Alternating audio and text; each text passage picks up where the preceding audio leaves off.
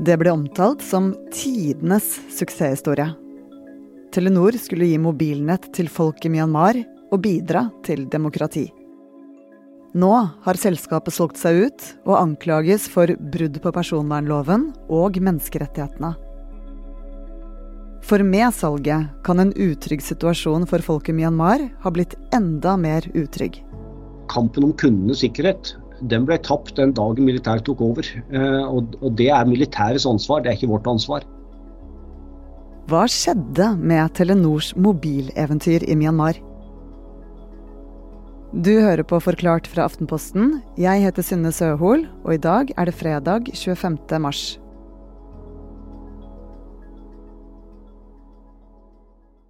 Når vi hører om Myanmar i nyhetene i dag, så hører vi om et militærdiktatur. Et lukket system hvor eh, det står skikkelig dårlig til med menneskerettigheter og frihet og alt dette her. Men hvis vi skrur klokka tilbake åtte-ni år, så var det det helt motsatte. Da var Myanmar noe så uvanlig som en skikkelig gladsak i internasjonal politikk. Kristoffer Rønneberg er utenriksjournalist i Aftenposten og har skrevet boken 'Veien til Mandalay' om hvordan Myanmar gikk fra militærdiktatur til demokrati. Mens andre land gikk i autoritær retning, så gikk eh, generalene som styrte landet den gang i motsatt retning ved å kaste uniformene sine, tillate demokratiske valg. Så de har gått fra å være lukket, isolert eh, land til å bli mer åpent, og nå har de gått tilbake igjen til det diktaturet de en gang var. Myanmar, som tidligere het Burma, ligger sørøst i Asia og har vært plaget av etnisk konflikt og uro i lang tid. De militære myndighetene har lenge styrt landet med sine 53 millioner innbyggere med jernhånd, og blitt anklaget bl.a. for etnisk rensing av den muslimske rohingya-minoriteten. Men på starten av 2010-tallet så det altså lysere ut. Også for næringslivet. I denne korte fasen hvor alt så så lyst og positivt ut, så var det mange som så muligheter i Myanmar, i dette store landet med 50-60 millioner innbyggere. Og jeg reiste mye rundt i landet i, i den perioden. Jeg husker denne optimismen, denne fremtidstroen, at den liksom var overalt. Og øh, selskaper som Telenor de eh, tenkte at her er det store muligheter. De kunne bygge opp eh, et uh, mobilnett i et land hvor det ikke fantes et mobilnett fra før av. Så der var det jo liksom millioner på millioner av potensielle kunder. Det var upløyd mark, masse penger i sikte. Og her var også det norske kongeparet og daværende næringsminister Trond Giske involvert. Ja, norske myndigheter la ned ganske mye arbeid og, og, politisk kapital i å hjelpe generalene ut av diktaturet. Og mm, de dro på besøk hele tiden til, til landet. Eh, et av disse besøkene det var i april 2013. Da, da dro Trond Giske, som da var næringsminister, eh, rundt til eh, bl.a. til hovedstaden Naypyidaw. Jeg var med ham og dekket den, den turen, og mm, husker hvordan han hadde med seg en del folk i delegasjonen, bl.a. folk fra Telenor, som eh, Giske introduserte til Aung San Suu Kyi, altså den største politiske lederen i, i Myanmar på den tiden, og, og til andre ledere også i, i, hovedstaden. Så det han gjorde, var at han åpnet dører inn til lederne i Myanmar, og så slapp han Telenor og andre selskaper inn gjennom disse dørene som han da hadde åpnet. Og da de først var innenfor de dørene, så klarte altså Telenor å lande en avtale. Ja, Ganske kort tid etter dette besøket så, så fikk Telenor én av to mobillisenser i, i, Myanmar. Så det var jo en skikkelig jackpot for, for det norske selskapet. der. På denne tiden var Myanmar et av de siste store grå områdene på dekningskartet for teleindustrien. Folk i Myanmar hadde ikke fasttelefon engang, stort sett. Og plutselig fikk de nå eh, mobiltelefoner med muligheten til å ringe hverandre, til å tekste hverandre, til å kunne bruke alle de tjenestene, altså banktjenestene, kunne finne ut når toget gikk. Alt dette her. Så det var jo en revolusjon for innbyggerne i Myanmar. Men også fordi det kunne hjelpe til i demokratiseringsprosessen. Det at man plutselig kunne utveksle ideer, man kunne lese nyheter, man kunne få med seg hva som skjedde og, og, samarbeide på en helt annen måte enn hva man kunne før. Så dette her endret jo veldig mye for veldig mange på ganske kort tid. Og det her det gikk ganske bra en stund? Ja, dette var jo en ordentlig solskinnshistorie, og det ble jo omtalt som eh, kanskje den beste utenlandsinvesteringen noensinne.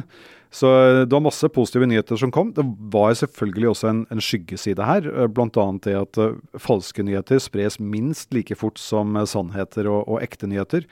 Det så vi bl.a. høsten 2017, da nesten en million rohingyaer ble jaget ut av Myanmar, mens uh, det ble spredt usannheter og, og rent falskneri i på nettet i, i, Myanmar, sånn at befolkningen der ikke helt fikk med seg hva som faktisk eh, skjedde. Men hovedsaken var at dette her var en eh, ordentlig gladsak i eh, Myanmar, både for Telenor og for befolkningen. Da mobilnettet åpnet i Myanmar i 2014, ble det omtalt som en formidabel suksess. Telenors satsing ga raske resultater, og inntektene økte. Helt til februar i fjor, da et kupp, viktige brukerdata og et norsk gissel skulle snu alt på hodet.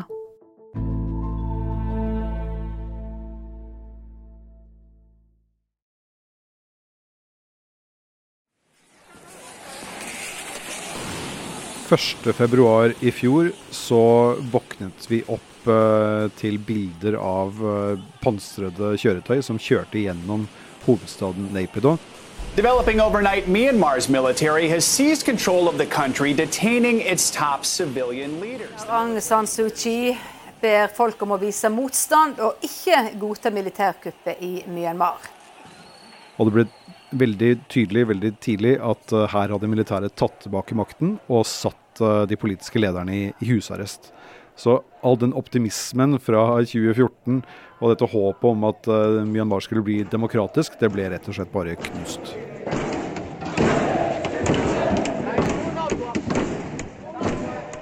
Og hvordan eh, påvirket det militærkuppet Telenor i Myanmar? For eh, Telenor så var dette en uh, hodepine. Uh, til å begynne med så prøvde de å, å fortsette som, som, normalt. De håpet at tilgangen til mobiltjenester kanskje skulle gjøre det lettere for folk å få informasjon og organisere seg. Uh, det var et håp, tror jeg, om at kuppet skulle være kortvarig, og at de politiske lederne skulle komme tilbake. Men etter hvert så ble det klart at juntaen var kommet for å bli, og de ønsket større kontroll over teleselskapene, altså Telenor og de andre, enn hva de hadde hatt før. For eh, Telenor var det spesielt to ting som var problematiske med det. Det ene de satt på flere år med brukerdata om 18 millioner kunder i Myanmar.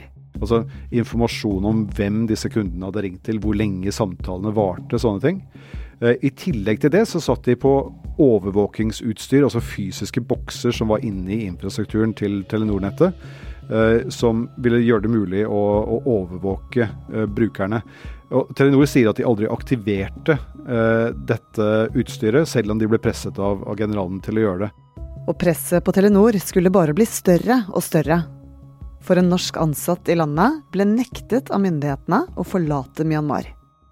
Med et norsk gissel kom Telenor dermed i en alvorlig knipe. Under et intervju med Aftenposten forteller Telenor-sjefen Sigve Brekke om dilemmaet som de sto i. Dette er et land som, som, er i krig. Eh, dette er et land som har et militært styrt regime. Dette er et land hvor militæret gjør det veldig klart eh, hva, hva, deres pålegg og deres eh, krav er. Og av hensyn til våre lokalt ansatte, sikkerheten til våre lokale, eh, så, så kan ikke vi gå lenger enn det vi har gjort. Ja, dette var jo en sånn Barken og Ven-situasjon, altså som The Clash synger 'Should I stay or should I go'? Eh, et etisk dilemma. Skulle de sette sine ansatte i fare, eller skulle de sette kundene i fare? Noe de da ville være hvis, hvis brukerdataene ble overført til myndighetene. For det å selge et teleselskap i et land med et autoritært styre, det er ikke rett frem. I tillegg til å tape milliarder av kroner, ville det også være vanskelig å sørge for at ikke de verdifulle brukerdataene havnet i gale hender. De nye myndighetene i Myanmar de la inn en del krav for hvordan uh, teleselskap skulle operere i, i landet. Annet så måtte det ha uh, en overvekt av uh, lokalt eierskap. Altså det måtte være en, en lokal eier av dette nye selskapet. Og Um, Telenor de solgte til en libanesisk investeringsgruppe, men uh, pga. disse nye reglene som juntaen hadde innført, så, så, ble det ganske klart veldig tidlig at, uh, at, det ikke kom til å bli der, det selskapet. Etter hvert så ble det kjent at det var en uh, slags oligark, altså en forretningsmann i Myanmar med veldig tette bånd til juntaen, som kom til å ende opp som den endelige eieren, i hvert fall den som hadde den kontrollerende aksjeposten i, i selskapet, og så dermed også da fikk tilgang på brukerdata og alt det andre utstyret som, som fantes i Telenor-nettet. Med andre ord så har nå Telenor solgt selskapet sitt til en enhet i Myanmar som gir regimet mulighet til å å få tilgang til all denne brukerdataen og, og den andre informasjonen om, om kundene deres i, i, dette landet. Hvordan kan det brukes av myndighetene da? Jeg tar det med brukerdata f.eks. Eh, nå, eh, snart i hvert fall, kan myndighetene gå inn og sjekke ringehistorikken til eh, f.eks. en aktivist som de gjerne vil arrestere. Så, så, kan de se at aha, denne personen har ringt mye til et minoritetsområde som er kontrollert av en geriljagruppe. Og Så kan de bruke det som bevis i en, en, sak mot denne aktivisten. Eller eh, de kan analysere brukerdata for å avdekke nettverk av folk eh, som de mistenker for å være motstander av, eh, av militærregimet. Og Når det gjelder dette overvåkingssystemet, så er det veldig klart at det kan skape masse trøbbel for folk i, i motstandsbevegelsen. Fordi nå er det jo ingen som kan snakke åpent på mobilnettet i Myanmar uten at de må nesten regne med at de blir avlyttet. Som andre ord får de stor kontroll over folket sitt. Ja, nå blir det mye lettere å vite hva folk sier, og hvem de sier det til. Telenor solgte seg ut av Myanmar i fjor sommer. Men salget ble ikke godkjent av myndighetene i Myanmar før forrige uke. I mellomtiden har denne ene norske Telenor-ansatte, han som ble nektet å forlate landet, vært der i over ett år. Og salget har fått mye kritikk. Selskapet har vel aldri stått i en større storm enn dette her. Eh, det har vært ansatte i selskapet i Myanmar som nå føler seg sviktet. Eh, eksilregjeringen eh, til Myanmar, som er i, altså i utlandet, de har kritisert Telenor. Menneskerettighetsgrupper både i og utenfor landet har vært veldig veldig kritiske. Og en del norske politikere har, har også tatt opp dette som en, som en, sak. Og Kritikken den går i hovedsak ut på at Telenor har valgt i kritikernes øyne å sette kundene sine i stor fare ved å overlate disse brukerdataene til militærjuntaen. De har også fått noe ros, da, eh, fordi de har vært ganske åpne om at dette har vært en eh, veldig vanskelig sak og et eh, skikkelig dilemma hvor det ikke har vært noen klar Det, det har ikke vært noen god løsning, det har bare vært et valg mellom den minst dårlige løsningen. Men kunne de ikke bare lagt ned selskapet, eller i det minste slettet brukerdataene før de solgte? Jo, Det er jo en løsning som, som, mange har fremmet. og Så kan man ikke bare si at ok, nå finnes ikke Telenor Myanmar lenger. Men, ehm, men, det selskapet sier, og jeg har spurt dem et par ganger, det er at det, det går ikke an å slette disse brukerdataene digitalt, sier de. De kan ikke bare trykke på en knapp, og så er det borte. Man må faktisk inn i et rom og finne fram til en harddisk, og så må man knuse den harddisken. Så det er en aktiv og fysisk uh, ting man, man må gjøre. Og hvis Telenor-ledelsen skulle bedt en ansatt om å gjøre det i Myanmar, så, så ville jo det vært en, uh, noe man kunne bli arrestert for. altså Det hadde vært sabotasje av, av utstyret. Og det, det, var ikke noe Telenor-ledelsen var villig til å be en ansatt om, om, å gjøre. Uh, og det samme med dette overvåkingsutstyret, som også er fysiske bokser, som måtte bli destruert. Uh, altså Man måtte brukt en hammer for å, for å ødelegge det hvis man skulle bli kvitt det.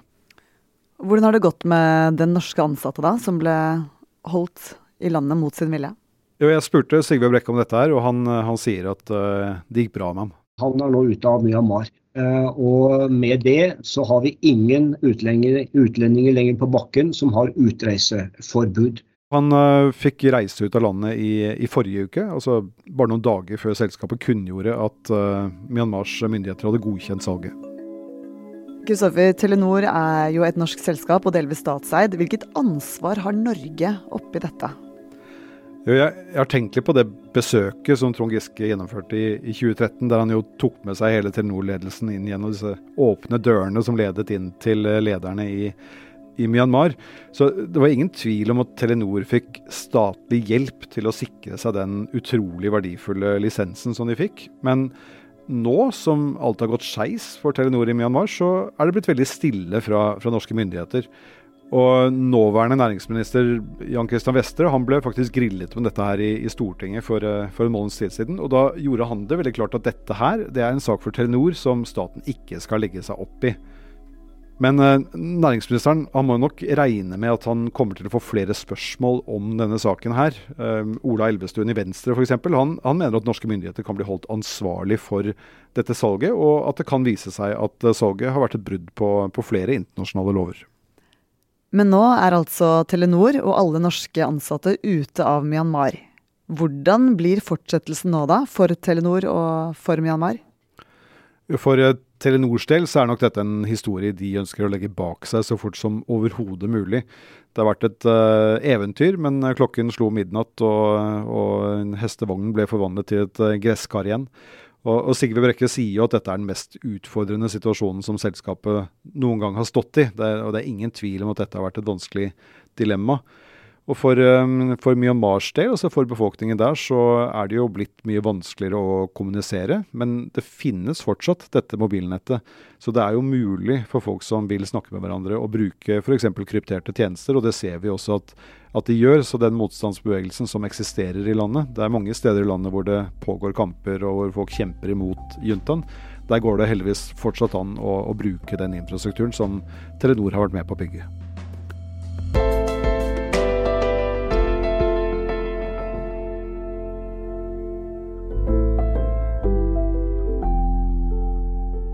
Du har hørt Aftenpostens Kristoffer Rønneberg fortelle om Telenor i Myanmar.